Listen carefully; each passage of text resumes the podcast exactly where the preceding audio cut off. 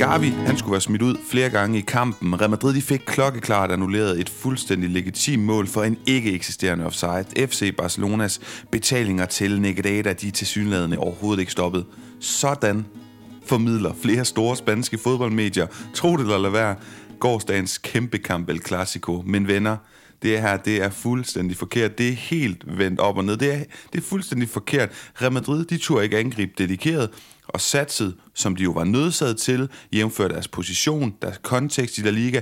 FC Barcelona, de havde for det meste rigtig godt styr på Real Madrid, var dominerende, var bedst i kampen. Det kan også ses på den overlegne og meget velfortjente position, Chavis tropper de indtager i La Liga som det suveræne førerhold. Her er lyden af La Liga runden med en runde gennemgang, som med 99 øh, procent får fokus kun på El Clasico med Jonas Knudsen og undertegnet Paul Augusto Tichon. Jonas, man kan selvfølgelig ikke gøre meget andet end at ryste på hovedet, når man, når man hører det her.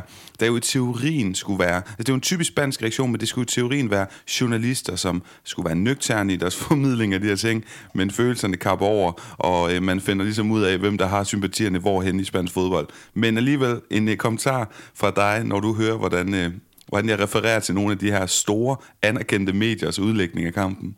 Jamen, jeg er helt enig i begge, begge udlægninger. Uh, alt er skandale, alt er uh, fester, og alt er uh, sat på spidsen. Ej, det er, det er selvfølgelig... Det, det er sjovt, fordi det, det bliver El Clasico bare tit. Uh, det, det bliver jo uh, uh, fortællinger og modfortællinger.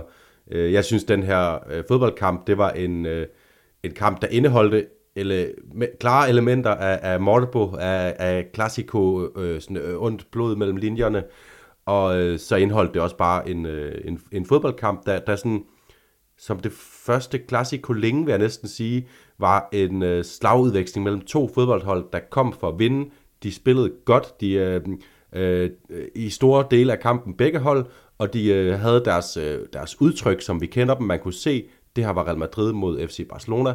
Øh, så, øh, så jeg synes, jeg forstår godt, der kan komme mange fortællinger ud af den her kamp, men grundlæggende øh, den bedste El Clasico meget længe. Spændende, og, og nu har du allerede taget hul på det. Vi gemmer det lige til lidt senere, for som sagt, 99% af programmet i dag er dedikeret til det klassiske. Vi skal lige forbi nogle meget korte, meget, meget korte afstikker.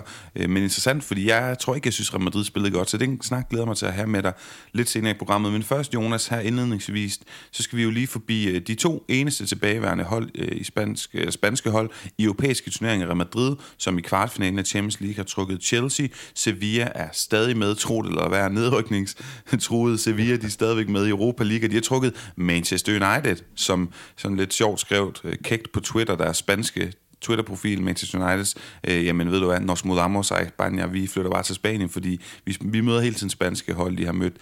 Øh, de har mødt Real Sociedad i gruppespillet af hvad hedder det, Europa League, og så har de altså mødt her i knockout-faserne øh, re, øh, undskyld, FC Barcelona, Real Betis senest, og nu bysbørnene fra Sevilla.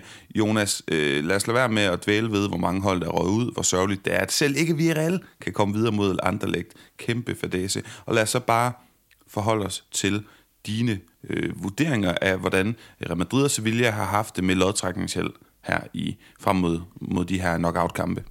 Jamen, øh, jeg synes faktisk, det er rigtig uheldigt for Sevilla selvfølgelig, at de trækker Manchester United, fordi der er noget, der tyder på, at de er det øh, stærkeste hold, der er tilbage i turneringen, også efter Arsenal, Arsenal røg ud, hvis ikke jeg tager meget fejl på, på straffespark til, øh, til Sporting. Spændende resultat der.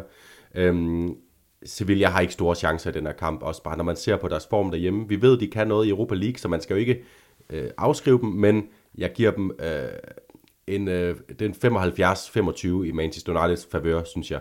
Det, det, det, er, det er også mere markante favoritter, end de var mod Betis, og dem så vi, hvor, hvor relativt ubesværet, må vi også bare sige, at Manchester United fik, øh, fik eksekveret bysbørnene ud. Real Madrid, synes jeg, har fået en god lodtrækning, i første omgang i hvert fald, fordi øh, vi, vi ved jo også, at øh, når de kommer over den her Chelsea-kamp, hvilket jeg tror, de gør, så venter jo så øh, øh vinderen af Bayern München eller Manchester City, så på den måde har de fået en skræklodtrækning kan man også vente Men Chelsea har de rigtig gode chancer mod Real Madrid. Øh, jeg, siger, jeg, jeg siger 65 35 i øh, Real Madrids favør her. Det er måske lidt spidssat, fordi Chelsea er et godt hold, de har vundet Champions League for nylig, men det er et hold, der kæmper med det på hjemmefronten, og Real Madrid, som Ancelotti også sagde efter den her klassiko, når vi, når vi spiller sådan her, og selvom vi kan godt diskutere, hvor godt Real Madrid spillede den her Clasico, når vi spiller, som vi gør for tiden, så kan vi vinde. Øh, så kommer vi til at vinde en turnering. Og så er det jo enten Copa del Rey eller Champions League, han øh, refererer til, må vi formode. Ja, og jeg er slet ikke øh, uenig med, og jeg synes nemlig, det er interessant, jeg synes, jeg ser også Real Madrid som favoritter mod Chelsea, fordi at min forståelse, uden at følge Premier League tæt, er, at, øh, at Chelsea, det er sådan lidt et rodehus. Det er et galehus, det er et cirkus under Graham Potter og alle de her nye spillere, og det fungerer ikke helt og så videre og så videre. Jeg vil være væsentligt mere skræmt på Real Madrids vegne, hvis det var Thomas Tuchels øh, Chelsea, som jo virkelig gav dem kamp til stregen sidste sæson, og som øh, året før det øh, slog dem ud, da de sådan vandt Champions League, eller ja, nemlig Chelsea gjorde, øh, hvor de simpelthen bare var et niveau over i den der, det må have været foråret 21, hvor der bare var et gear mere på det Chelsea-hold, og Real Madrid, de kunne ikke følge med. Jonas, øh, en lille ting, en lille sidste ting omkring det her europæiske noget, du har givet procenterne, det var også det, jeg gerne vil have ud af dig, men jeg så nogle hæfte sig ved, at Real Madrid får det svært, øh, fordi de ikke har hjemmebanefordel i sidste kamp. Det havde de jo øh, som bekendt i alle tre kampe sidste år, og det var jo det, der på mange måder hjalp dem til de her episke remontadas. Men mod Chelsea starter de hjemme, og det vil altså sige, de har ikke den her, det her mytiske øh, hvad hedder det, stadion, øh, Stadio Santiago Bernabeu i ryggen, hvis de skal komme igen i returopgøret, og det samme mod eventuelt Manchester City eller Bayern München skulle de gå videre. Det har vel en stor betydning, har det ikke det? Det har det. Det har det. Det er, det er en fordel at, at slutte på hjemmebane. Øh, og derfor så er jeg også meget mere skeptisk omkring chancerne i en eventuel semifinale. Øh, ja, uanset hvilket af de to hold, der går videre fra øh, af Bayern og, og Manchester City. Men øh, vi skal også huske, det var, det var på Anfield. Det var på Anfield Road udebane, at øh, Real Madrid for nylig var, var nede 2-0 og vinder øh, 5-2. Så, så det her Real Madrid-hold, de, de, de har jo ikke kun den her identitet, når de spiller på hjemmebane. Øh, det ved vi også i La Liga, hvor de tit, når de kommer ud og møder de her, øh, de her nærmest aggressive øh, stadions rundt omkring i Spanien, som, har, som glæder sig hele sæsonen til det der kamp mod Real Madrid og skulle, skulle give dem kamp til stregen, kommer tit i problemer de første 20, 25, 30 minutter, første halvleg, nogle gange helt en time ind i kampen, og så ser vi også bare igen og igen, selvom det er på udebane, selvom de ikke har øh, Bernabeu-publikummet i ryggen, at så kan de godt øh, vende tingene. Øh, så så øh, jeg, jeg kan godt forstå bekymringen, øh, anken øh, mod Real Madrids chancer øh, på, på, på grund af, af, af, af lodtrækningen, men, øh, men jeg synes ikke, det, det er nok til, at jeg, vil, at jeg vil sænke deres chancer markant for at gå videre. Okay, modtaget. Jonas, lad os hoppe på en breaker og så komme videre til det, som det hele handler om, El Clasico. Yo creo que Vinicius tiene esta calidad muy importante en uno contra uno. Eh, para marcar goles eh, Eh, le he dicho que es muy difícil encontrar delantero que marcan gol y después 4, 5, 6 toques. Para marcar gol necesita un toque. Jonas, før vi tager hul på den store Clasico-snak, så lad mig lige eh, minde dig og lytterne om, hvad der skete i runde 26, for uden den her sejr til FC Barcelona. Fordi fredag aften sparkede man runde 26 i gang med en Valladolid mod Atletic klubkamp, som endte 3-1 til Ernesto Valverde øh, som tropper. Lørdag fik vi Almeria mod Cadiz 1-1. Ekstremt øh, dramatisk, meget, meget sen udligning, som Almeria stod for der. Det var Carlos træt af, det forstår man godt. Rayo mod Girona, 2-2. Mitchell, Girona, nuværende træner, tidligere Rayo Vallecano-træner, han var tilbage, var Ekas blev hyldet. Dejlig, umiddelbar, ikke spekulativ fodbold, som vi godt kan lide det. Så fik vi Espanyol mod Celta 3-1 til Carlos Cavalhals øh, mænd, som blandt andet tæller Gabi Vega og Jago Aspas. De scorede begge to. De gør det rigtig godt. De er nu det mest scorende duo i spansk fodbold den her sæson. Wow.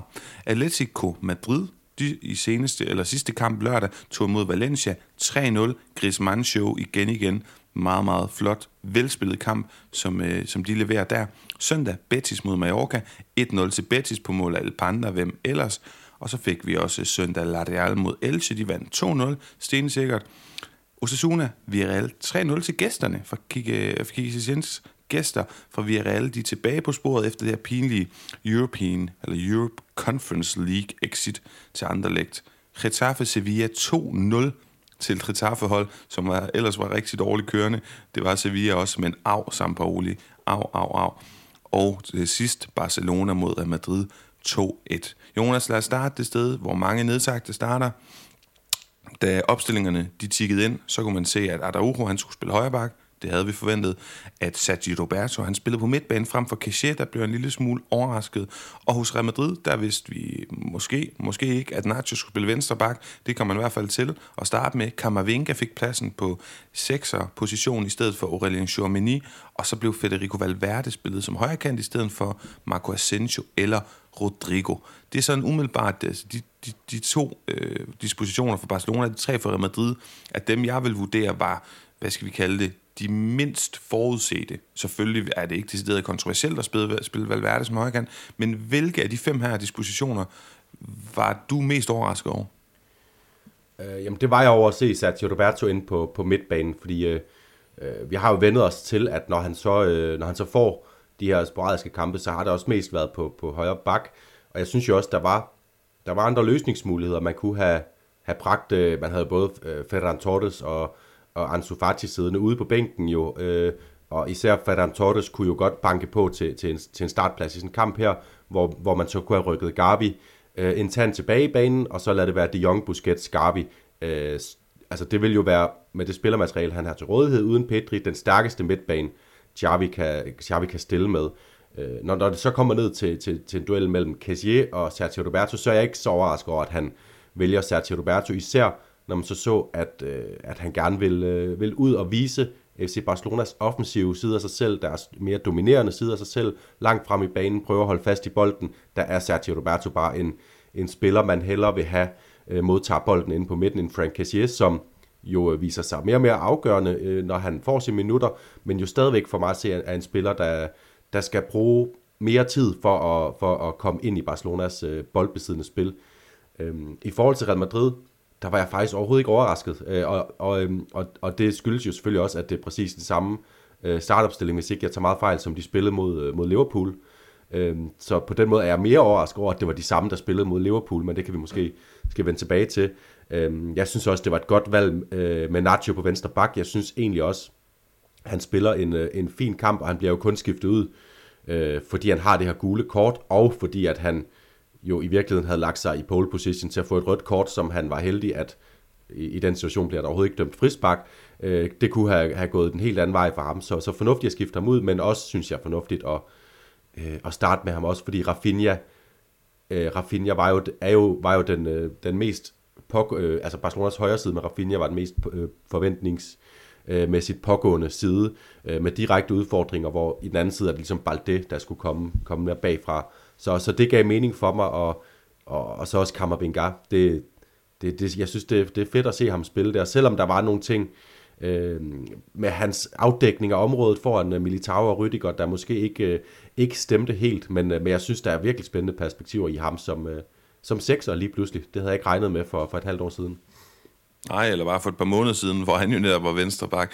Jamen, ja. øh, meget, meget interessant, Jonas. Jeg er nødt til at stoppe dig her, fordi vi har, det gjorde, jeg tror også, vi gjorde det sidst, vi har jo det her hængeparti med Pondit, og det er ikke noget, der skal overstås. Det er faktisk noget, vi ser frem til hver gang. Men vi skal lige nå den lille fodboldquiz, vi bringer i samarbejde med det her brætspil Pondit, som jo altså er det her fantastisk sjove, udfordrende, nørdede fodboldbrætspil med kategorier og spørgsmål til alle mulige forskellige ligaer, lande, turneringer og så videre. Og vi har det her samarbejde, hvor at I som lytter kan få spillet til 500 kroner i stedet for 600 kroner med fri fragt og øh, 60 dages returret, og det koster, ja, som sagt, 500 kroner. Og de 100 kroner, I sparer, jamen øh, dem sender Ponte, fordi de er så søde faktisk i vores retning, så vi øh, også bliver støttet, når det er, I køber det her øh, spil. Og det er altså med rabatkoden LYDEN, L-Y-D-E-N, 20, 2 og 0.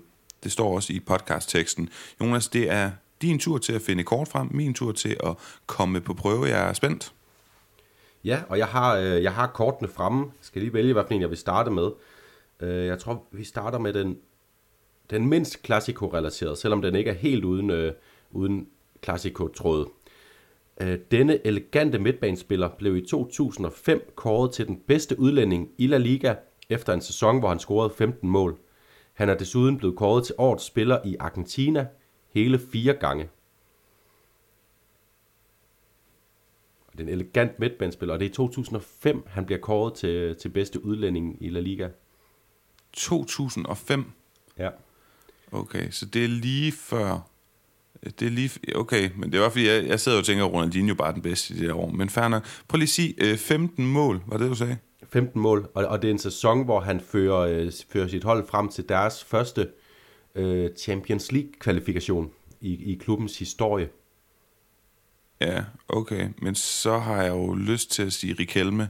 Det er Rikelme, som, øh, som, øh, som jo skiftede til Barcelona i 2002, men ikke rigtig blev en succes øh, der, og så hurtigt kom videre til Villarreal først på leje, og så i 2005, efter de har fe, øh, 15 mål, bedste udlænding, så formår Villarreal også at købe ham fri af den her lejeaftale. Det er, det er faktisk en ret vild historie, og så, så kender ja, det er, vi jo det er nemlig ret vild transfer.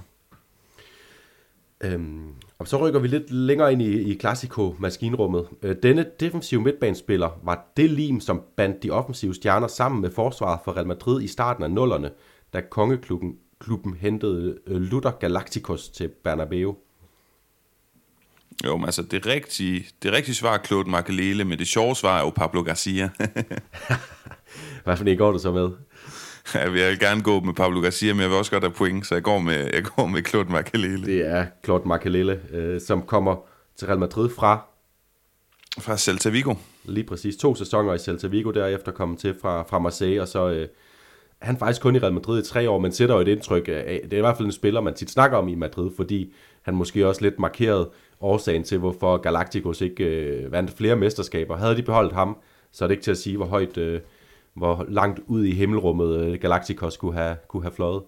Ja, det er, altså han er jo, altså hele positionen som sekser i spansk fodbold er jo opkaldt efter, altså, det er jo Makelele-rollen, og det er, det kunne være sjovt at dykke ned i en dag, Jonas, og fortælle den historie til folk, der ikke ved det, fordi Klub Makelele er jo meget misforstået. Han var egentlig meget offensiv spiller i Marseille og Celta, men så bliver han sådan tvunget derned, lidt ligesom Graversen jo også var meget mere offensiv, men bliver også tvunget derned, fordi han ikke ja. var lige så stort et navn som, som de andre offensive spillere på holdet. Og så var han simpelthen så dygtig, og til dem, der er for unge til at kunne huske ham, så er der bare, synes jeg, en helt oplagt pakdang i N'Golo Kanté. Altså, det mindede meget ja. om det der med faktisk også at være ret god på bolden, ret god i løbende frem i banen, og så rød han bare, altså han var så god til at rydde op. Det var helt uhyggeligt. Og jeg kan faktisk huske det der med, hvor overrasket jeg blev, da han, øh, da han pludselig spillede i, i Chelsea, efter han skiftede i 2003. Hvordan han pludselig netop øh, øh, drev bolden frem og var, var mere aktiv frem i banen. Øh, øh, og, og det man havde set i Real Madrid, var jo en mand, der virkelig var låst af sin, øh, sin position bag. Ja, der, der var jo, øh, der må have været fem, øh, fem offensivspillere foran ham øh, nærmest, øh, som bare havde frit lejde til ikke at, at, at bidrage med noget som helst organisatorisk. Men, øh, videre til sidste spørgsmål. Det tegner på, at du får øh, vetoretten over, hvad vi skal kåre og, og snakke om i dag. Denne robuste, i hollænder havde en hammer af et skud. Der er simpelthen ikke mere introtekst. Og det er, det er der, jeg skal bare se, om du har lyst til at gætte nu.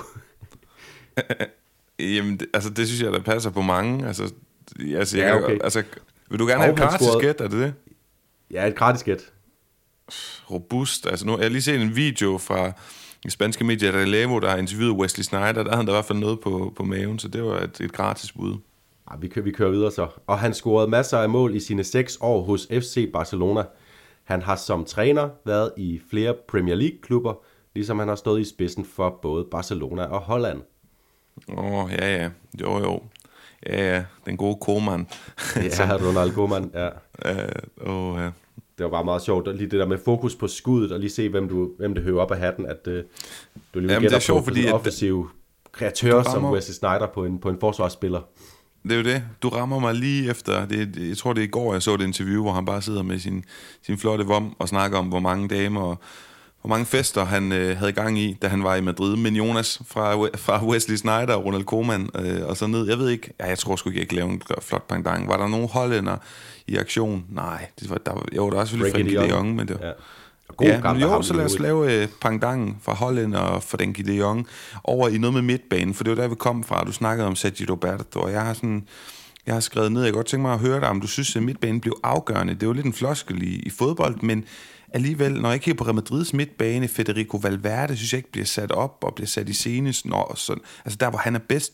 Modric og Kroos, de løb sådan rundt som to lidt hovedløse haner, hvis man kan kalde det det, og de er jo gamle, det er jo ikke deres øh, styrker. Deres styrker er jo at være på bolden. Øh, desuden havde de jo spillet i, i midt mod Anfield, så de må nok også have været trætte. Det undrer mig sådan lidt rent taktisk, det her øh, setup og jeg tænker, midtbanen bliver afgørende til Xavi og Barcelonas fordel. Er du uenig i det?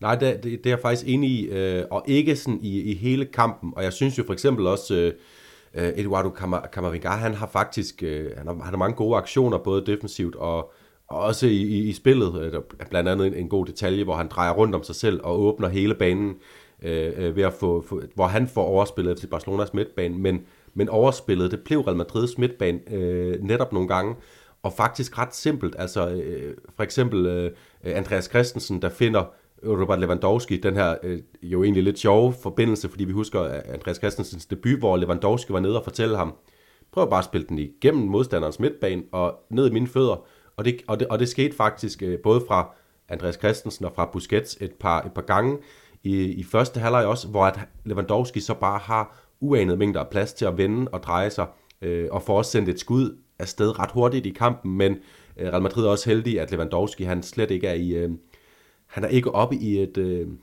et tempo, hvor han, hvor han kan sætte sit af, helt afgørende præg på den her, den her kamp. Det ender han jo så lidt med alligevel, øh, kvæg han spiller Balde fri, men, men det er en anden snak.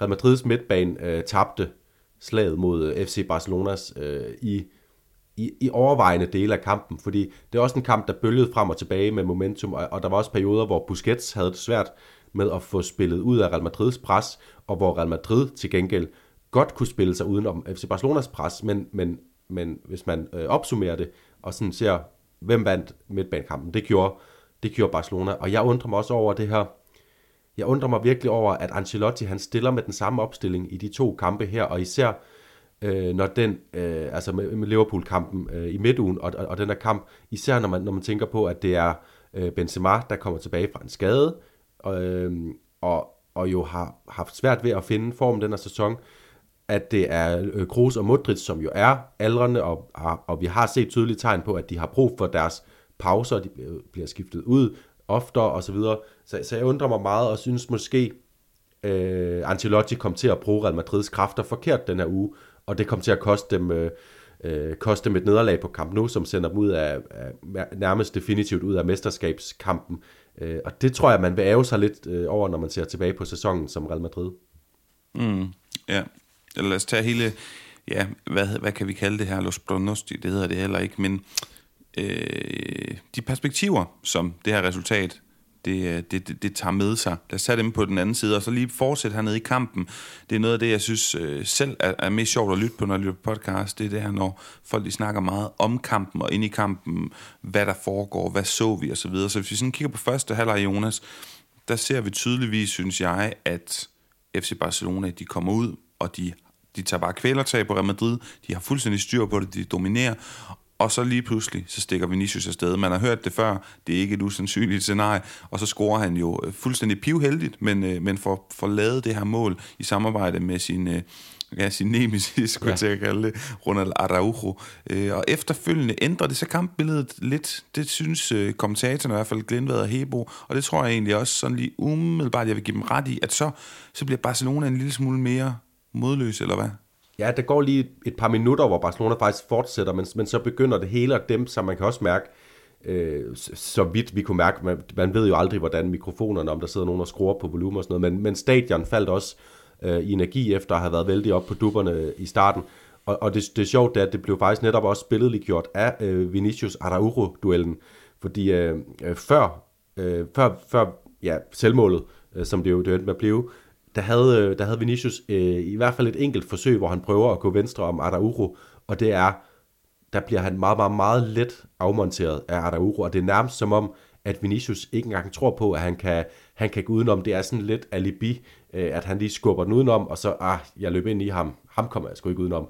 Og efter målet, så er der, øh, så er der flere situationer, hvor han prøver, og også en situation, hvor han decideret får, øh, får, får tørret Araujo ved at, at lade som om han går venstre om, og så går han højre om og åbner sig øh, hele øh, øh, øh løbebanen for sig selv ind mod FC Barcelonas midterforsvar. Han får så ikke mere ud af situationen, men jeg synes det viste, at, at, at det har skiftet momentum både for, for Araujo og Vinicius, og så spørgsmålet, og, og, for, og, og for FC Barcelona mod Real Madrid øh, for en periode.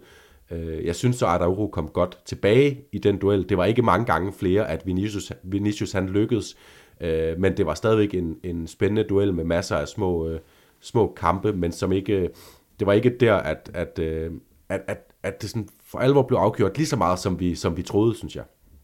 Nej, det var det, vi havde nemlig snakket om det på forhånd, og jeg tror, det er vigtigt at huske nuancerne i, i den her duel, fordi øh, traditionelt set, der har Araujo haft bedre styr på Vinicius, end jeg kan huske, øh, nogle andre spillere har haft på Vinicius, men Øh, det hører også med til historien, at mange af de her kampe, selv den meget dominerende øh, kamp, Barcelona har mod Real Madrid i Supercopa-finalen, der kommer Vinicius faktisk fri flere gange fra Araujo, men så venter der sig endnu flere forsvarsspillere, og alting er meget i, i Real Madrids offensiv sat op til, at Vinicius skal klare alting selv. Så nuancer i, at øh, det er ikke fordi, at øh, Araujo han bare altid kan takle Vinicius. Det vil også være urealistisk, men omvendt, så har Vinicius ekstremt svært ved at komme forbi ham her. Jeg kaldte jo det her makkerpar på Twitter, øh, verdens øh, måske bedste dørmand, øh, og mod verdens måske bedste ubudne gæst, fordi at det er sådan lidt, de, de roller, de, de påtager sig, og vi, hvad hedder han, Araujo har jo været ude og roser, anerkendt Vinicius, en af de sværeste spillere, han har stået over for, han er simpelthen så dygtig, og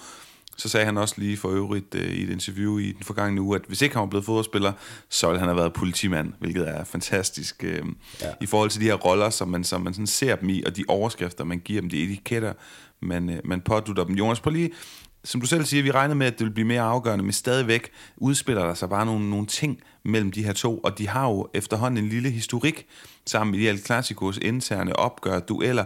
Er det ikke ved at blive sådan lidt ikonisk, eller hvad? Eller er det bare mig, der synes, det er helt fantastisk underholdende at se de her to? Jo, det synes jeg. Hvis det fortsætter øh, nogle år ud i fremtiden, hvilket man jo sagtens kan forestille sig, med mindre FC Barcelona lige pludselig får hentet en, øh, øh, en ny Dani Alves, hvilket bare ser svært ud i det, det nuværende fodboldmarked, fordi så, så gode højre backs øh, findes der ikke derude. Slet ikke nogen Barcelona kan købe. Øh, så, så, så, bliver det, så bliver det et ikonisk øh, El Clasico-duel. Øh, øh, og, øh, og, og det synes jeg også, man kunne se på dem. De vidste godt, de var meget, meget, meget bevidste om de to, at der var blevet snakket om dem. Øh, og, og, og derfor så havde de også, som om de havde taget sådan en fælles beslutning om, lad os, øh, lad os lade det handle om, øh, om, om fodbolden. Øh, lad os lade være med at, at, at gøre det til en øh, Mordico, ligesom det var mange andre steder på banen i løbet af den her kamp, men det var ikke i øh, mødet mellem Vinicius og Araujo, at der opstod skamysler. Øh, det var en, øh, en ren fodboldkamp. Måske også, måske også lidt øhm, øh, øh, ligesom fremelsket af, at de, at de ikke havde så mange dueller, som man kunne have regnet med. Altså det, det var ikke den her øh, øh, kamp, hvor Vinicius hele tiden prøvede at, at, at udfordre Araujo. Og det var måske også øh, en del af, af strategien, som jeg også snakkede om før, øh, øh da vi lige snakkede optakt i, øh, i uh, sidste udsendelse, det her med, at Real Madrid nok skulle prøve at se, om, de kunne finde nogle løsninger, og det prøvede Ancelotti jo blandt andet også i anden halvleg der, hvor han, hvor han ligesom sætter alle spillere over i venstre side, fylder op der, og så ender det med, at det er Cavaral, der kommer fri, og kan spille Asensio, fordi man får flyttet al fokus over på Vinicius, og Barcelona har Araujo på højre bak, og Koundé søger meget derude af, Busquets skal ud og hjælpe, og, og så er der bare plads i den der højre side. Så, så, så på den måde, så, så fik det også en indflydelse, men ikke den der... Øh, jeg håber, vi får nogle kommende klassikere, hvor der bliver endnu flere direkte dueller og afgørende øh, dueller mellem de to, og hvor Vinicius får driblet sig frem til chancer, og hvor Araujo får øh, slået tilbage, og ja, øh, sådan mere boksekamp. Der var elementer af det, men ikke, ikke så meget, som vi kunne have forventet. Og bare lige for at skære ud i pap til lytterne, så er det jo, når jeg kalder dem henholdsvis dørmand og, og ubuden gæst, men kalder dem verdens bedste. For det første, så er det jo dække navne for det, de reelt er, forsvarsspillere og, angriber i fjendens hule i det her kontekst. Men det handler jo også om, når jeg kalder dem verdens måske bedste, så er det jo fordi, at det er også, hvad de repræsenterer, det her i El Clasico, hvis vi skal til at snakke narrativer, fordi Ronald Araujo er en af verdens bedste midterforsvar. Det er han lige nu. Du kan ikke nævne fem, der er bedre, det kan du simpelthen ikke. Og det samme med Vinicius som venstre kan. Der, der kan man selvfølgelig snakke lidt om, men sådan i, i grove træk, der er han en af de absolut bedste offensivspillere i verden. Og det er det her møde med hinanden. Og Jonas, skal jeg komme til at tænke tilbage på, at det, det er ikke længe siden, at Vinicius har stået i det scenarie og skulle drible forbi Martin Brathwaite. Al respekt til danskeren. Men er, er der ikke sket en udvikling i El Clasico? Har vi ikke nogle bedre øh, narrativer, nogle bedre perspektiver omkring den her hold, eller omkring den her kamp, når vi kigger på det nu? Nogle af de bedste talenter i verden, nogle af de største spillere. Verdens bedste kamp, det er det her opgør jo, sådan traditionelt og historisk, er det det også det i dag. Det er i hvert fald en kamp mellem de to bedste hold i Spanien, det må du give mig ret i. Ja, det, det er det. Øh, og, øh, men, men det er ikke en kamp mellem de to bedste hold i, i Europa, øh, som det var for 10 år siden, øh, og, om, så, og som det var i en periode på 10 år, for, for 10 år siden. Øh, der er vi ikke helt endnu, synes jeg, fordi der, dertil så er der for mange svagheder hos, øh, hos begge hold. Der, der er Real Madrids spørgsmål om, øh, om udbrændthed. Det, det, det er i overskriftsform, fordi jeg, jeg tror hverken Modric, Kroos eller Benzema er, er brændt ud, men de er øh, spillere, som ikke er på toppen igennem hele sæsoner, og derfor er det, det ikke nødvendigvis heller lige præcis, når El Clasico øh, øh, spiller. Det er også et FC Barcelona-hold, der stadigvæk har nogle spørgsmål. Sergio Roberto, dygtig, øh, dygtig klubspiller igennem mange år, men det er jo ikke topniveauet af en midtbanespiller, øh, som hvis Petri havde været der. Øh, så så det, jeg tror, inden for meget kort tid, så kan vi være tilbage på, at det også er de to, to hold, der i hvert fald byder sig til at være de bedste i Europa, øh, og det kan også det kan sagtens allerede være næste sæson. Lige nu er der lige, sådan, lige det sidste skridt op for, at det, at det bliver den her verdenshype, som det også var for, for 10 år siden, fordi der er stadig Manchester City, Liverpool, øh, øh, Arsenal, Bayern München, PSG, øh, øh, Napoli, som er, er, er klubber mange, øh, som ikke lige er Barcelona Real Madrid fans eller La Liga fans, måske, måske lidt hellere vil, vil se lige nu. Jamen, jeg er fuldstændig enig, her, det er mest for at drille, jeg lige skulle se, om du bed på, men jeg synes bare, der er sket en ændring, og det, den, kan, den kan sådan tale ind i en, i en længere tematik, en længere vinkling omkring det her opgør, fordi vi kan prøve at kigge sådan lidt på øh, det, det kæmpe jubelbrøl, og den, altså de scener, der udspiller sig efter kampen i det her El Clasico, der kan man virkelig se, hvad det her betyder. Ikke kun på grund af netop opgørets betydning generelt, men også fordi at netop det her opgør, netop den her kamp, der bliver spillet i runde 26, den har så stor en betydning, og det synes jeg, vi skal prøve at snakke lidt om. Men der er jo på vej hen i forhold til, til den forbedring, som primært har været hos FC Barcelona, det er alle de her unge spillere, som nogle af de bedste i verden, Gavi, Balde, Koundé, Frenkie de Jong, der også kun er 25, Militao på 25 hos Real Madrid, Valverde, Rodrigo, og så altså Vinicius, Pedri, der ikke er med, Araujo osv. Det er en samling af de bedste unge spillere. Jeg synes virkelig, der er perspektiv i det her, Jonas. Og, og det vil jeg gerne hylde. Men jeg vil også hylde, at der virkelig bliver virkelig, virkelig jublet over det her resultat. Og jeg må indrømme, at jeg tog mig selv i, da Xavi, han, han gik fuldstændig amok for den her scoring. Tænker hvor, hvorfor er det, du går... Nå jo, du går så meget amok, fordi at du faktisk inden for et minut har gået fra, at ligastillingen hed 6, at du kun var 6 point foran, og at det faktisk stadig var lidt åbent til 9 point, der det bare står uafgjort, og de kalder ascensusmål tilbage, og så frem til 12 point, som er en verden til forskel. Det er på et par minutter, der går det her i pendulfart fra den ene side Ligaen er stadig lidt åben, der er usikkerhed i Barcelona-lejen, og på et par minutter til, at de jo reelt, og det er jo det, de gør, det er jo også det, der bliver sagt i dækning på TV2 Sport, de, de jubler over, at La Liga hvad hedder det, pokalen, den kommer tilbage hjem til Katalonien efter, efter 3-4 års tørke. Ja, ja præcis, og, og, det, og det giver netop øh, et Clasico et ekstra moment, fordi at, at øh, de sidste 30 år, Øh, 30, 33 øh, år, lad os sige, efter Cruyff overtog i øh, trænersædet i Barcelona, der har Barcelona jo rent faktisk meget, meget, meget stille og roligt et sig lidt ind på det her stadig monumentale forspring, Real Madrid har på La Liga-titler.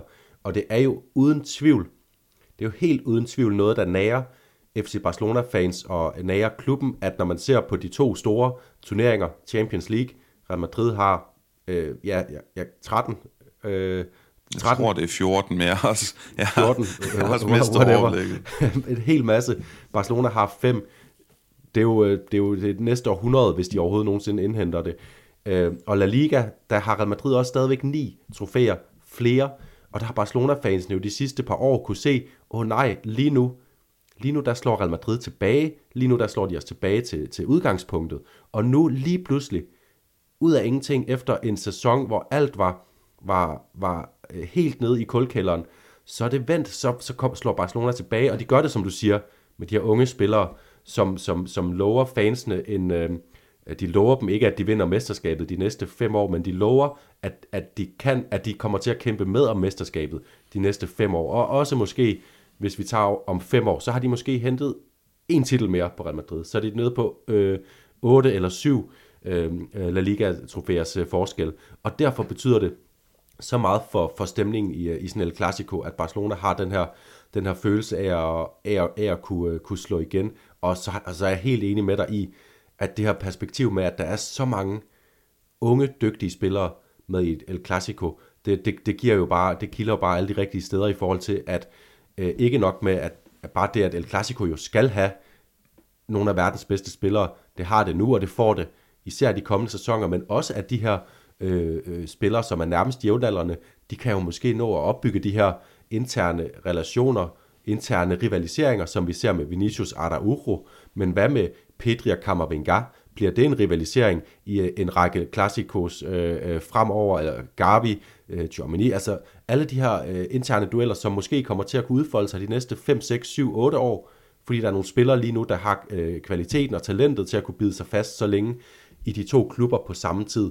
Det, det, det bliver super, super øh, spændende øh, for El Clasico-fortællingen øh, for, for begge hold, også selvom Real Madrid jo skal øh, uanset hvordan vi vender og drejer det, skal øh, have nogle udskiftninger i truppen på det næste, så, så er der jo masser af, af, af fremtidsperspektiv allerede i truppen.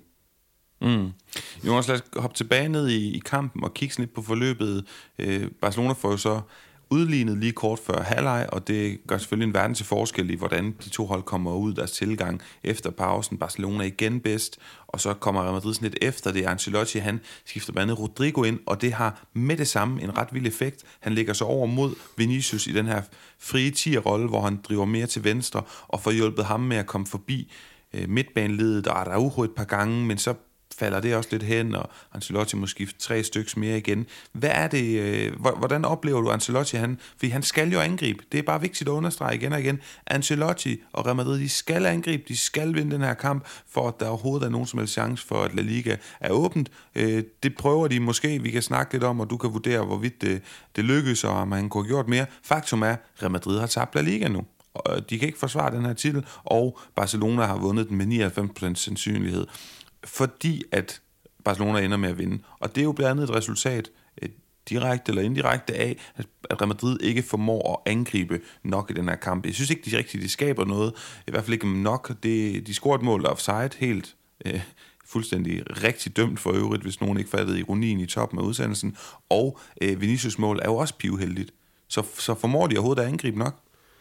Øhm, når, når det kommer ned til det, så, så nej det, det, det er også øh, det er den eneste store anke, jeg har øh, i forhold til netop det, som jeg, jeg sagde i, i starten af udsendelsen, at jeg synes, det her var en, en forrygende El Clasico-hold, øh, kamp mellem to hold, der spillede gode kampe, og, og, og det der, som, som du så også sagde, at det var, var du måske lidt uenig i, og lige præcis på det her punkt, som, som du fremlægger her, da, da jeg med dig, at, at øh, Real Madrid kom ikke til at angribe øh, intenst nok. Altså jeg synes, de gjorde forsøget rigtig meget, Øh, men jeg synes også, de bliver i den her kamp øh, sat lidt tilbage af, at, øh, at, at, at når, når Modric og, og Benzema, når ingen af de to rammer, øh, rammer dagen, så er det rigtig svært for dem at, at, at bryde igennem og at få sat de rigtige situationer op. Og det er også derfor, at Vinicius ikke får øh, lige så mange situationer, synes jeg, fordi vi så lige så snart, lige så snart Vinicius blev sat i scene, så var det ved at blive farligt. Han laver den her øh, forrygende 1-2-dribling ind imellem øh, Kunde og Araujo, hvor den bare lige præcis øh, øh, triller fra, fra ham ind i, i tastikken, som også bare er overvågen og er langt ude i feltet faktisk og samle, samle den her op. Så, så det hører også med til, til fortællingen, at vi ved jo, Barcelona har lukket, øh, øh, ja, hvor, hvor få mål ind i sæsonen, er det 10 eller 11, eller det, det er jo helt vildt. Så, så, så det er jo også på en eller anden måde, øh, altså color me surprised, at Real Madrid også har svært ved at, at angribe mod det her Barcelona-hold. Det, det, der overrasker mig lidt, det var, at de jo havde, havde måske endda sværere ved at skabe chancer, end vi har set mange andre hold, som bare har mødt øh, muren til stikken. Det var ikke muren til stikken, Real Madrid mødte. Det var muren øh, Araujo, Koundé, Christensen, øh, Balde, Busquets også, synes jeg, øh, fik meget kritik af kommentatoren undervejs, men, men, øh, men, men han spiller også en god kamp for mig at se øh, hvor, hvor han gør det, han skal. Bliver presset i nogle situationer, fordi Real Madrid også var dygtig til at presse, men, øh, men jeg, jeg er enig grundlæggende i, i at, at Real Madrid skulle have angrebet mere, men også i, at de gjorde det godt, synes jeg, den sidste halve time. Også Asensios indhop var spændende, fordi han kom ind og så faktisk øh, både dynamisk og agerig og, og, og jo også farlig ud, men der var lige den der millimeter øh, på den forkerte side, som, øh, som Ancelotti jo har sagt, at de tager hjem med tvivlen, om der var offside, hvilket jeg synes er helt forfærdeligt. Øh, og, og, først, og det største sådan, ansigtstab, jeg har set fra Ancelotti øh, i hans tid som Real Madrid-træner. Ja, jeg er fuldstændig enig. Not cool, Ancelotti, fordi han er nemlig cool normalt, og han er en type, der formår at ja, bevare roen i sådan nogle situationer, og han ved godt, hvad det er for en ild, han puster til. Netop der er jeg fuldstændig enig. Jeg har også hæftet mig ved den udtalelse. Den er så sløj af Carlo Ancelotti, men det er så, hvad det er. Jonas, jeg, jeg mener bare, at jeg synes, der var mange sekvenser, hvor Real Madrid kommer fri, og så angriber de mærkeligt nok med, rent taktisk i hvert fald, med Vinicius, øh, Benzema, som vi kan snakke om, virkelig ikke er inde i en god øh, form, og så Cavaral nogle gange ud til højre. Det var ikke, altså de, det var ikke dedikeret, det var ikke, de, de ville ikke investere i deres egen angreb. De turde ikke rigtig satse og tro på dem. Der var ikke noget dynamik. Sjældent Valverde noget kom med frem. Modric og Kroos, de lå jo og, og løb med en pace 8-9 stykker, øh, eller sådan et eller andet nede på midtbanen. Altså, hvor man tænker, det, det er sjovt, fordi ja. netop da, da Real Madrid scorede det her øh, fantommål, som det endte med at blive, der sad jeg og tænkte, ah, det er virkelig godt lavet Ancelotti det her, flytte øh, al fokus over i venstre side, og vi har jo set det før, hvor det så er Valverde, der i starten af, af den her sæson især, øh, kommer ind med sit, øh, sin fantastisk timet indløb i feltet, og så bare kanonerer bolden ind. Men her tænkte noget, jeg lige har tænkt, åh oh, gud, det er godt tænkt, men det er godt nok bare ærgerligt, at det så er, at bolden hver gang den ender hos Cavaral, som uanset hvor meget plads øh, han får øh, i, lige for tiden især, øh, så har han bare svært ved at finde løsninger. Så skete der jo det, at han, han lavede en, en, en ret, øh, et ret frægt oplæg ind til, til, til Asensio, som ja, igen øh, desværre var, var, var nogle millimeter på den forkerte side, men, øh, men jeg synes, det var et, øh, et, et godt træk af Ancelotti, og, og jeg synes det, øh, jeg tror også, det er derfor, han er så frustreret, fordi han føler faktisk, han på det helt rigtige tidspunkt med sine udskiftninger får, får, får tippet den her kamp i, i Real Madrids favør, øh, og, og, og så er det selvfølgelig frustrerende, at, at det er med så små marginaler, at det ikke lykkes, fordi det var jo lige præcis det var lige præcis det, som Ancelotti havde tegnet med sin indskiftning, og der lykkedes ved det mål. Og så, øh, så ja, med marginaler og så videre og så videre. Øh, men, men derfor kan jeg godt forstå Ancelottis frustration, selvom den udmyndter sig på den, på den forkerte måde, og derfor synes jeg også, at Real Madrid skal have stor øh, kado for den sidste, øh, ja, den sidste halve time, eller i hvert fald øh, indtil overtiden selvfølgelig, hvor de, hvor de jo lukker et mål ind, men jeg synes, de skal have stor kado for den måde, de angreb lige præcis i den fase af, af kampen. Jonas, jeg har to ting noteret omkring den her kamp, jeg gerne vil nå og, og spørge dig om også. Det første kan vi nå relativt hurtigt. Kan du ikke lige fortælle mig, hvem der egentlig spillede en rigtig god klassiko, og hvem der spillede en ikke så ønskværdig klassiko? Det er virkelig det er virkelig et svært spørgsmål, og det er lige præcis også det, den sidste sådan store pointe, jeg har tilbage. Jeg synes, det er en kamp, hvor det er svært at finde øh, komplette indsatser, og sådan spillere, som bare fra, fra start til slut havde en, en god kamp. Øh, jeg synes, det var en, en El Clasico med momenterne, altså Camavingas roulette, Nacho, der laver et raid, hvor han er nærmest ved at bryde igennem hele Barcelona-holdet, øh, Gavi, der glider forbi nogle spillere, øh, Gavis aflevering, genial aflevering mod Rafinha, der pilles endnu mere genialt ned af Ceballos. Det var detaljernes kamp mere, end det var de, de gode spillers kamp. Hvem spillede den bedste kamp? Jeg er ude i, at det er øh, Frankie de Jong, eller øh, måske endda Thibaut Courtois, som jo også er afgørende i nogle situationer. Øh, Frankie de Jong spillede en god kamp for mig at se fra start til slut, men, men jeg er spændt på at høre, hvem det er, du har, fordi jeg, jeg har ikke nogen, der spillede Jamen, en topkamp. Jeg, jeg må bare sige, at jeg er blevet forelsket i en mand, som... Øh, det har været en hård, hård indkøringsperiode. Det er en mand, som... Øh, jeg ikke har været imponeret af i den første tid i spansk fodbold. Det er en mand, som jeg nok også har været hård ved, og så, altså nogle gange går det hurtigt i showbiz, som man siger, og lige pludselig er jeg bare faldet plads for ham, og har måske indset, at øh, det ser ikke altid lige overbevisende ud, men resultaterne, de kommer, det er en perfekte øh, blanding af, af sådan en stor, aggressiv øh, forsvarsspiller, som så har en eller anden form for tysk effektivitet over sig, og det er Antonio Rüdiger. Jeg synes, han spiller en, en... Jeg synes, han er inde i en god periode. Det er det første, jeg vil sige, og det, det er vigtigt, at vi roser det, fordi jeg har helt sikkert været efter med den her podcast. Men jeg synes, han er inde i en god periode i fraværet af David Alaba, og så synes jeg, han er, han er overlegen i sit forsvarsspil. Der er sådan nogle Mm, scenarier, nogle, nogle situationer. I El Clasico, er det ikke øh, Lewandowski blandt andet, der har et forspring, og han løber bare ned og piller bolden fra ham. Jeg ved godt, Lewandowskis spidskompetence, det er ikke at løbe hurtigt på en friløber, men alligevel var der sådan en, en sikkerhed, en overlegenhed i hans forsvarsspil, som jeg synes skal premieres, og så ligner han jo en mand, som er født til at spille for Real Madrid, forstået på den måde, at de her scenarier, hvor der bare bliver pumpet bolde i feltet, de er under angreb i det meste af en kamp, og der er ikke rigtig nogen aftaler, forklaringer rent taktisk, setup i, hvordan man skal forsvare sig. Det handler bare om at, at forsvare sig heroisk i en hel kamp. Det, det ligner, at, at det virkelig passer ham godt. Ja, og, og jeg, vil, jeg er enig så langt, som jeg synes, det, det er en fornøjelse øh, som seer øh, at se øh, Rydiger forsvare, fordi i duellerne, så er han bare, øh, så er han bare, så er han jo bare god, så, så er han svær at have med at gøre. Jeg synes stadigvæk ikke, han, han forsvarer særlig godt for tiden, og jeg synes jo både øh, Andreas Christensen og Jules Koundé, hvis vi sådan tager midterstopperne, spiller en bedre kamp end, øh, end, end Rydiger, men, øh, men jo, han, han udmærker sig jo bare, men det går jo mærke til, at han, øh, at han vinder de her dueller, og hvem er det? Er det, er det, øh, er det Lewandowski, han bare øh, øh, mosler ned øh, fuldstændig øh, uden, øh, uden chance for, øh, for, for Lewandowski for, for at gøre noget som helst, og han blev jo også revet ned af Militao på et tidspunkt, helt øh, væk fra, hvor spillet foregik. Altså, der var, der var virkelig mange af sådan nogle sjove dueller, og det er jo noget, som, som Rydiger er, er garant for. Så helt klart en, en underholdende forsvarsspiller, men, men jeg synes, at Real Madrid savner Alaba i den her kamp. Jeg synes, Real Madrid Jamen det, og det er slet ikke nogen tvivl om. i stedet for Rydiger. Der er slet ikke nogen tvivl om, det er du helt ret i. Han, den ro, Alaba han har, de, og de placering, og så rent teknisk i, i, altså spille bolden op ned bagfra osv.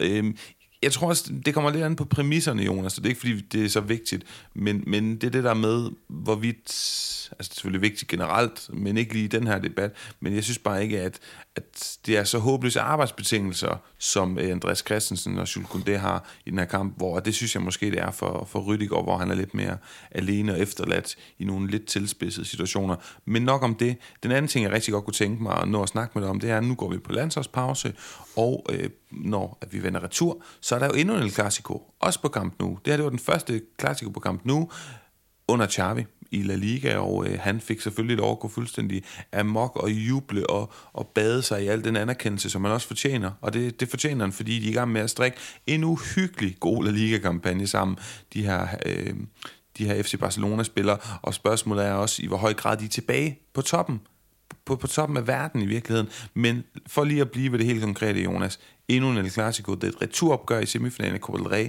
Jeg sidder og fryder mig, for jeg kan godt lide, når tingene er sådan lidt placeret i bokse og nemme at overskue. Og derfor ville jeg have været træt af, hvis den her kamp er uafgjort. Jeg ville egentlig også have været det er ikke fordi, jeg har Barcelona-sympatisier, øh, hvad hedder det, sympatier som sådan, men jeg vil, tror også, jeg ville været lidt træt af, hvis Real Madrid havde vundet den her kamp, fordi så er tingene åbne lidt alligevel, og der kan jeg bedre lide det, men nu har vi faktisk fået placeret La Liga, trofæet, vi venter bare på, at øh, de får det overleveret i Katalonien, og så kan vi koncentrere os om de andre ting, som vi ikke ved endnu, og det er blandt andet det her øh, skæbnesvanger, ved at gå så langt som at kalde det, returopgør i Copa del semifinalen, og det kommer til at betyde nu, at Real Madrid har rigtig mange ord, der skal lægges ikke undskyld, der skal lægges over i den, i den kur, som jeg ser det. Det kommer til at tænde endnu mere op under det Copa del Rey returopgør, hvis du spørger mig. Ja, det gør det også, fordi at, øh, at kamp nu vil være, altså selvfølgelig vil de være elektriske, hvis Barcelona havde, havde ryg mod muren, og det var den sidste chance for et trofæ, men det her med at kunne, at kunne for, på anden gang, øh, på, øh, ja, det bliver så et par uger, tre uger eller sådan noget, øh, en lille måneds tid, øh, hvor, hvad, ja, hvad, hvad dato er det? Jeg tror, det er start, maj, eller undskyld, start, start april, 3. 4. Ja, april, 4. måske. Så, så i løbet af to-tre uger kunne, kunne slukke Real Madrids øh, titelhåb hele to gange på øh, på Camp Nou. Det vil de være ellevilde for at, for at kunne opleve, og, og stemningen vil være endnu mere elektrisk, end den var øh, her søndag aften, hvis Barcelona de også slår Real Madrid ud af, af Copa del Rey semifinalen øh, her, her i starten af april. Så, så øh, jeg vil næsten sige, at, at, at lige præcis for oplevelsen af den kamp, så var det her nok øh, det bedste resultat, hvor hvis de så lå der i starten af april og, og kæmpede rent faktisk om La Liga-titlen, så, så ville det være et lidt andet billede, fordi øh, ingen af holdene ville sådan definitivt kunne knockoutes. Øh, det ville være en kæmpe knockout af Real Madrid at blive slået ud af Barcelona, fordi det er også på et tidspunkt der, hvor, hvor så har de Champions League tilbage, hvor vi lige snakkede om god lodtrækning først, og så skal de altså møde Bayern München eller, eller Manchester City, så, så, så, så det vil bringe alle usikkerheder op til overfladen, om Real Madrid får en, øh, en, øh, en trofæløs, øh, så, ja, trofæløs er den jo ikke, fordi de er blevet øh verdensmester og øh, Supercup øh, mod Frankfurt og så videre. Øhm, så, men en trofæløs i min verden øh, sæson, fordi de vinder ingen af de, de tre øh, betydende trofæer. Godt. Jonas, øh, en sidste ting, jeg har, det er sådan, jeg kunne godt tænke mig at knytte en kommentar, eller øh, bringe en, en lille anekdote fra det virkelige liv, skulle jeg til at sige. Øhm, jeg var sammen med nogle, nogle efterskolevenner i søndag og var på Silkeborg Stadion og se en underholdende kamp mod FC Midtjylland, og vi snakker, og så siger jeg, jamen det er da helt vildt underholdende at se seks, næsten syv mål her, og alt det med, det foregår simultant sidste runde i grundspillet af Superligaen og så videre. Og så siger jeg lidt, øh, lidt, er lidt en lille smule provokerende, men jo også rigtigt, det er dejligt som forret til en god søndag med fodbold, fordi hovedretten var jo en klassiko.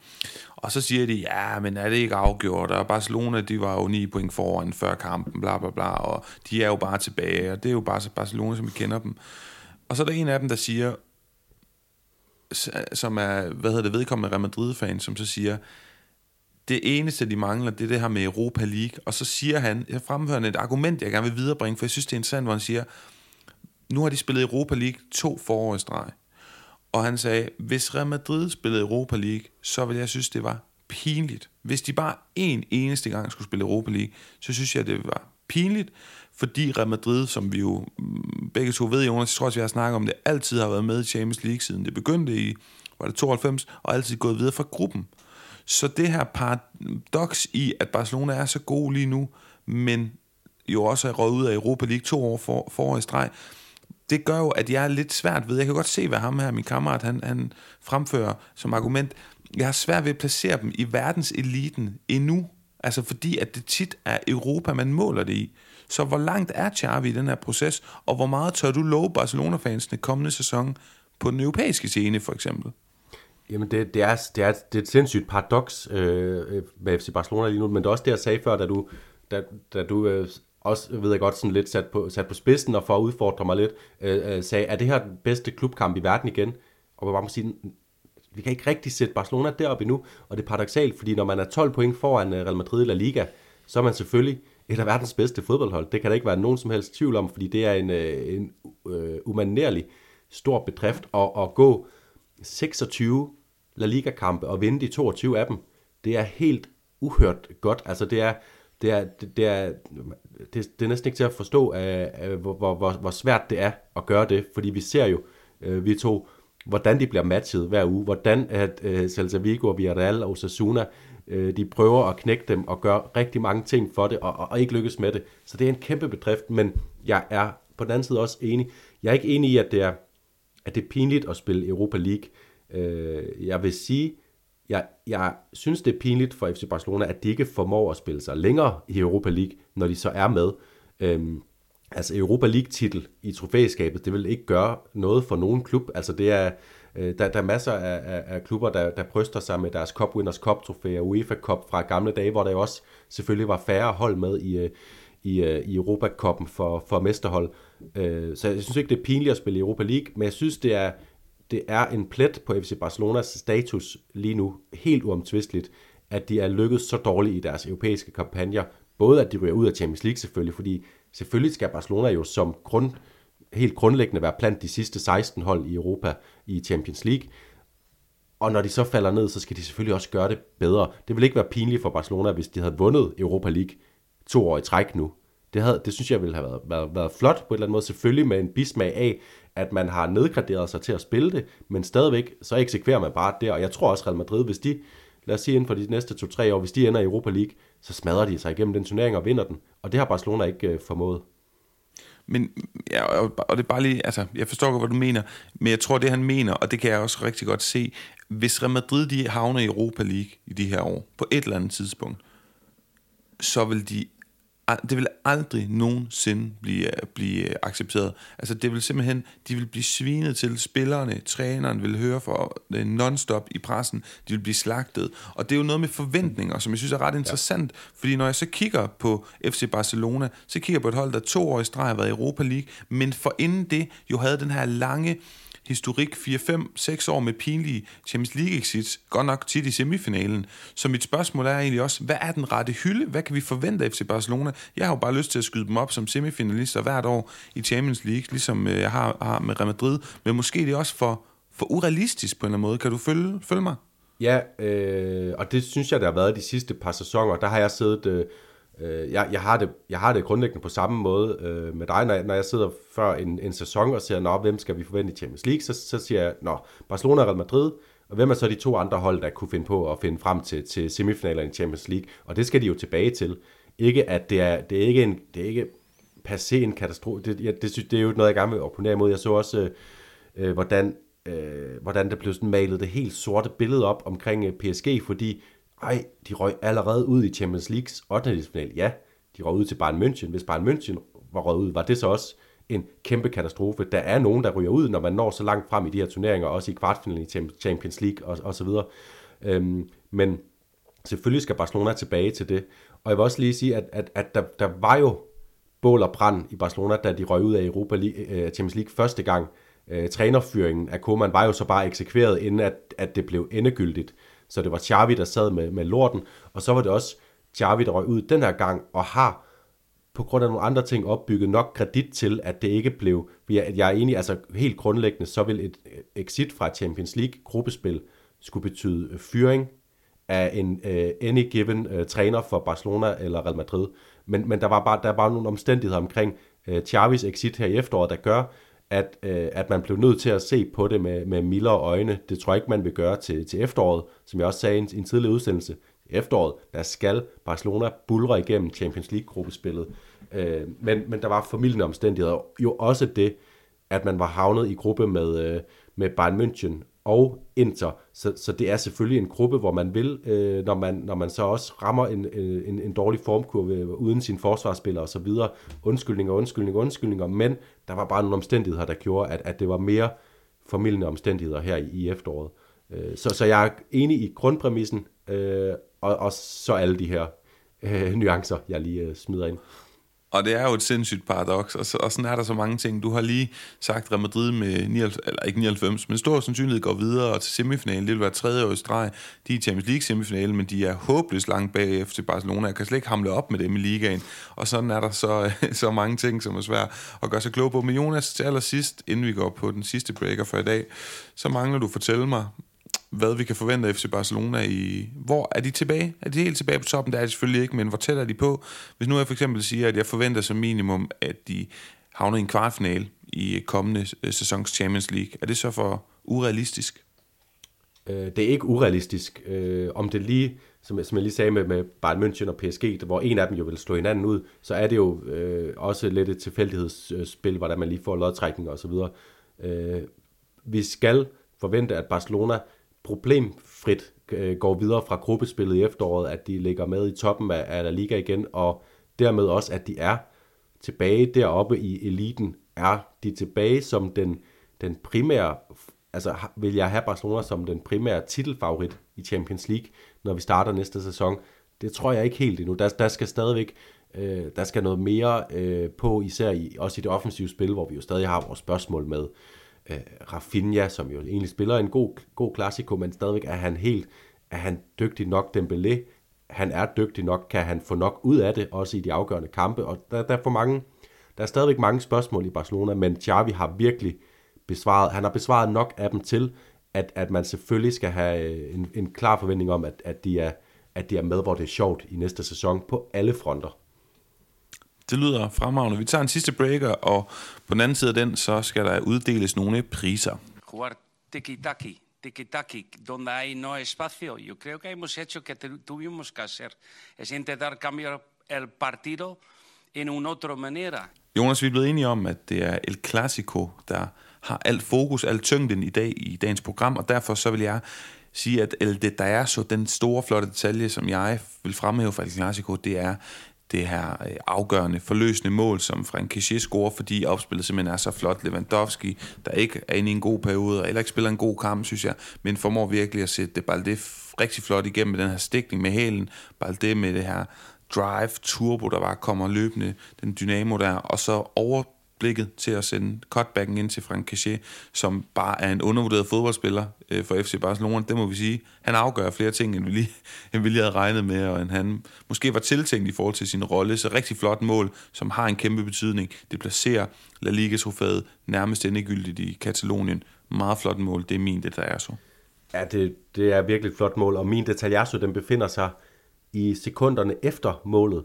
Øh, og det er i forbindelse med jubelscenen, hvor jeg lægger mærke til, at øh, man, man ser det kun sådan lige kort i, i kameravinklen, men at øh, mens Cassier er på vej ud mod tribunen og modtager sin, sin velfortjente hyldest, så kommer Jordi Alba styrtende ned og falder om halsen på, øh, på øh, Alex Balde, Og, og det er jo simpelthen, det synes jeg er et sådan smukt billede. Jeg synes, øh, der bør være en FC Barcelona-fotograf, der har taget et billede af den der omfavnelse, og så skal de hænge en video op med målet, og så skal de øh, ned i deres, på, La, på La Masia og sige, sådan her spiller man venstre bak, det synes Jordi, det synes Alejandro, og, øh, og, og det er sådan, man gør det. Og, og, og se Jordi Alba komme ind og hylde den her unge knægt for at have lavet lige præcis det, som han har øh, gjort i, øh, i, øh, i adskillige år på kamp nu, øh, i et afgørende moment, og bare være sådan indestængt øh, glad på hans vegne, selvom han jo også har skubbet ham, ham selv ud på bænken.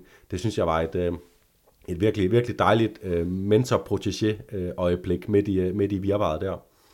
Ja, stort øh, format. Apropos Balde, Jonas, så vil jeg lige tease for, at vi jo ikke ligger på den lade side i landsholdspausen. Der kommer vi ud med en special en udsendelse, særudsendelse om talenter i spansk fodbold, vi skal snakke om, dig og mig, og vi skal sætte et hold med de bedste talenter, der er maks 21 år gammel, og må ikke Balde, han er være som minimum en bobler til det hold. Øh, jeg kan også sige, at jeg har snakket med Jesper Amt og Martin Gottschalk og Jonas Hebo og Nicolai Lisberg og Henrik Falde, så måske glemmer jeg nogen, som alle sammen er kommet med deres bud på, hvem der skal på øh, det her hold. Den kan I høre i næste uge, mens der er landsholdstermin. Men tilbage til de her koringer.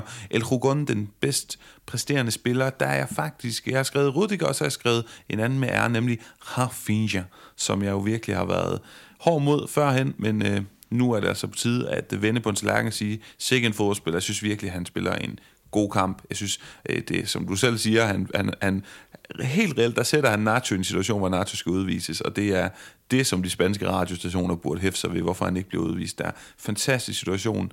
Han spiller godt. Det er min roen.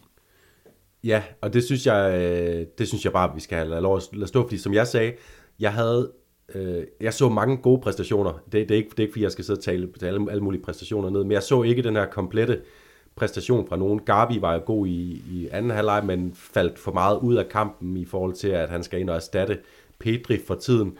Øh, der tog han ikke nok fat, selvom han spillede godt. Frankie de Jong, stabilt, men jo heller ikke med imponerende aktioner som sådan.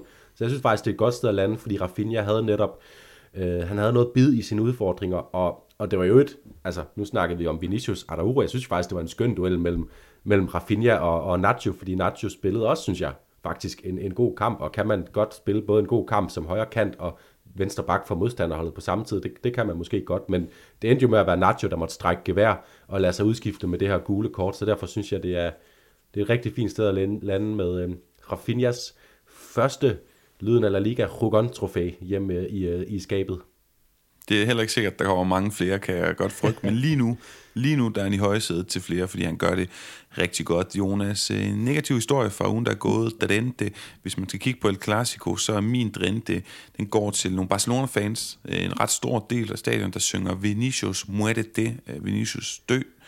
Og øhm, lad mig starte med at sige, at det her det foregår rigtig mange steder. Og inden Real Madrid-fans kommer og siger, jamen ved du hvad, hvis det havde været omvendt, så kan du helt sikkert også finde et par hundrede, der synger det samme om Gavi på Bernabeu. Problemet, grund til, at, at det er meget negativt, udover at folk er idioter for at synge noget så dumt, det er, at der ikke bliver gjort noget ved det. Fordi øh, i løbet af ugen, øh, der er gået, der var det, jeg tror det var Gianni Infantino, FIFAs præsident, det er i hvert fald en stor skikkelse. Det kan også være, det var UEFA-præsident Alexander Ceferin, i hvert fald en af de store i, i fodbolden, som var ude med et interview og sige øh, omkring det her med racisme og Vinicius, og det er selvfølgelig frygtelig synd for Vinicius, men det er dommerens ansvar at stoppe kampen. Og protokollen mindede vedkommende om i det interview er jo, at man kan stoppe kampen og give øh, to-tre advarsler bagefter, så skal kampen stoppes, og uanset hvad, jamen er det hjemmeholdets fans, der synger, jamen så skal Barcelona bare i det her scenarie taberdømmes. Og det er jo ikke fordi, jeg sidder og tænker, hvorfor bliver Barcelona ikke taberdømt i den her kamp. Jeg synes bare, det er faktisk en god protokol, og vi ser aldrig nogensinde eksempler på det. Kan, kan du nogensinde huske at se den ligakamp, der er blevet stoppet på den her måde? Det sker så frygtelig sjældent, og så sidder jeg og tænker, El Clasico, jamen er det lige der, man skal starte? Nej, jo, ved du hvad? Det skulle da lige der, man skal statuere ja. et eksempel. Fordi, hvor vil det være effektivt, hvis dommeren bare lige sagde, stop, og at der var forvirring overalt, og at de millioner af tv-seere, der sidder hjemme i skærmen, og de her idioter, der står og råber øh, Vinicius dø, og så kommer den lige på stadionspeakeren. Øh, Hej idioter nede i højre hjørne, der synger Vinicius øh, dø. Hvis I gør det en gang mere, så taber dømmes FC Barcelona. Prøv lige at forestille dig, hvor mm. fantastisk en synergieffekt det vil have. Det er den negative historie for mig, at vi ikke ser de her ting ske noget ofte, fordi det vil være så effektivt. Ja, og samme protokol ved, ved det mindste mono, monoråb i øvrigt.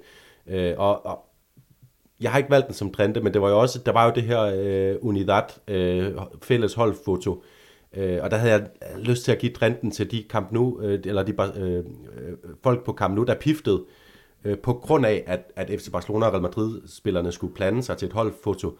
Jeg kan godt forstå, hvis man ikke synes, at det er det, man har allermest lyst til at se, men så må du ligge, øh, så må du ligge armene over kors og øh, fylde munden med pipas og, og lige holde din kæft i, i to minutter. Fordi det, her, det var et budskab, der skulle sendes, og det er et stærkere budskab af, at det er, at det er Barcelona og Real Madrid-spillerne netop, også som du sagde, der lige præcis i en klassiker, hvis man stoppede kampen, så det er en endnu større effekt, fordi så, så er det ringe i vandet, øh, og, og, og derfor synes jeg også, det, det er latterligt at, at pifte i sådan en situation, hvor man prøver at sende et, et positivt budskab sammen, også selvom det er Barcelona og Real Madrid, og man ikke bryder sig om at se dem øh, plane trøjer, eller hvad, hvad, hvad, hvad fanden det lige er. Min, min rigtige trende, den går faktisk til, øh, til Gavi. Vi jeg synes, vi har snakket meget om øh, Vinicius fokus i fodboldkampe, og jeg synes, i den her fodboldkamp, der mister Gavi noget fokus på grund af hans øh, overtændthed og hans, øh, hans altså, man må nærmest kalde det, hans lyst til at indgå i, i Mortepo. Der er den her situation, hvor han, igen uden for spillet, bare løber ind foran, øh, er det Ceballos, eller øh, et eller andet, som, som han bare lægger ned, fuldstændig uden nogen som helst effekt for spillet. Det, det gav ikke mening rent fodboldmæssigt. Øh, og han, han smider sig også nogle gange i løbet af den her kamp for tidligt, øh, fordi han forventer taklinger, og så er han, så er han vred over, at han ikke får frispark og får urettet, og der er nogle af præcis de samme ord, som vi har kunne putte på Vinicius nogle kampe, hvor han, hvor han har mistet sit, sit spillefokus. Det synes jeg, Gavi havde nogle elementer af her, og jeg er med på, at Gavi er en spiller med temperament, og det er noget, som Barcelona skal kunne øh, udnytte, men de skal også passe på, Gavi og Xavi øh, i, i fællesskab, at, at, at det ikke bliver det forkerte øh, fokus, det her temperament, øh, øh, at, at, at det her temperament bliver fokuseret øh, forkert, fordi så, så risikerer han at spille dårligere fodboldkampe, end han potentielt kunne, og det synes jeg måske faktisk skete i, i den her kamp. Derfor spillede han ikke godt alle 90 minutter. Det er en god drinde. Min Cruyff Jonas, den går til El Clasico. Det er simpelt nok, men altså, vi får en fantastisk kamp, som, som indeholder rigtig mange ting, og der er nogle af de bedste unge spillere i verden med i den her kamp. Og hvorfor skulle de ikke kunne blive ved med at spille den her kamp og udgøre øh, en, to fantastiske stammer på to fantastiske fodboldhold, som de næste 5-10 år kan give os flere fantastiske kampe, og som kan være to af de hold, som ligesom er i den, i den internationale fodboldelite. Det tror jeg på. Jeg synes, det var en god kamp, der lovede mere af det, og derfor, ja, så synes jeg bare, at den positive historie i spansk fodbold med et El Clasico twist, det er selvfølgelig den her fodboldkamp, vi fik lov at se. Ja, det, jeg er helt på linje, og så i øvrigt, det er også lidt i forlængelse, øh, alle de her små øh, gentleman-tegn, som var mellem spillerne i den her kamp, fordi der var masser af måtte på, der var masser af situationer, der kunne spidse til, men spillerne, de, de spillere, som er på de her to fodboldhold lige nu, de er mere, øh, de er simpelthen, øh, de, de er mere fair, end dem, der var i El Clasico for for eksempel 10 år siden, hvor det jo kammede over med, øh, med Peppe og blandt andet også Busquets, som jo, øh, vi, vi så i den her kamp, at, at Ceballos var ved at komme lidt op og toppes med Ansu Fati, som jo er en tækkende bombe for tiden, har man indtryk af, når han, når han kommer ind. Altså det, han får et eller andet rødt kort lige om lidt, hvor han øh, pander ind ned. Øh, Ceballos ender indfart med ham, og det kunne udvikle sig til det her store masseslagsmål, men det ender i stedet med, at Busquets og Ceballos står nærmest nok rammer hinanden. De kender jo selvfølgelig hinanden fra nogle landsholdssamlinger og sådan noget. Og, og så selvfølgelig Vinicius og Araujo, som bare efter den ene duel efter den anden hjælper hinanden op, klap på skulderen. Der var bare rigtig mange af de her små øh, ting, som man også gerne vil se. Det skal jo ikke renses for Mortebo, øh, misforstå mig ikke, El Clasico. Der skal være øh, det skal spidse til, men de må også gerne finde hinanden igen og, og spille videre, øh, i stedet for at det, det skal ind i Ragnarok hver gang, der er et øh, spilstop eller en, en berøring, eller, øh, eller, eller hvad der nu sker. Enig, og så ledes i mål med en af de længere udsendelser i, i vores historie, på trods af, at vi kun skulle øh, snakke om én kamp, og ikke en 10 stykker i runden, der er gået. Jonas, det har været underholdende at, at lægge El Clasico ned med dig. Jeg synes lidt kategorien med en forudsigelse frem mod kommende runde udgår, eftersom der er så lang tid til kommende runde, men altså som sagt, der er mere podcast fra vores side øh, næste mandag, hvor vi udkommer med den her snak om talenterne i spansk fodbold, hvilke er de bedste, hvorfor synes vi de er gode, hvad kan vi lide ved dem, hvilke udvælger vi, og hvilke hæfter vi os øh, ved. Jonas, har du en sidste bemærkning i dagens udsendelse, inden øh, at jeg sender den her podcast ud i æderen? Ja, bare sige, nu, er, nu har vi måske lagt øh, mesterskabet ned, øh, fordi det, det vil være et kæmpe mirakel, hvis Real Madrid henter 12 point på 12 runder osv., men øh, prøv lige at, og når, I, når du, kære lytter, er færdig med at, at lytte den her udsendelse, så prøv lige at gå ind og åbne La Liga-tabellen. Der er øh, øh tre point mellem øh, Almeria på 19. pladsen op til Getafe på, øh, på 13. pladsen, og ind imellem dem ligger Valencia, Espanyol og Sevilla. Øh, Real Betis har tre point op til Real Sociedad. Villarreal har øh, syv point op til samme. Real Madrid var det eneste hold, øh, øh Real Madrid og Osasuna var det eneste hold i top 10, der tabte den her runde. Der kommer masser af spænding om de her europæiske pladser. Øh, kan Atletico Madrid øh, tage andenpladsen fra Real Madrid. Atletico Madrid, det har vi slet ikke sagt, jeg synes, at Atletico Madrid er jo det bedste spanske hold lige nu, faktisk, for mig at se, øh, selvom Barcelona og Real Madrid øh, øh, jo ligger over dem i tabellen, men lige nu formmæssigt, så der er masser, der skal nok være masser af, af spændende øh, ting tilbage i La Liga, selvom mesterskabet mere eller mindre er lagt ned nu.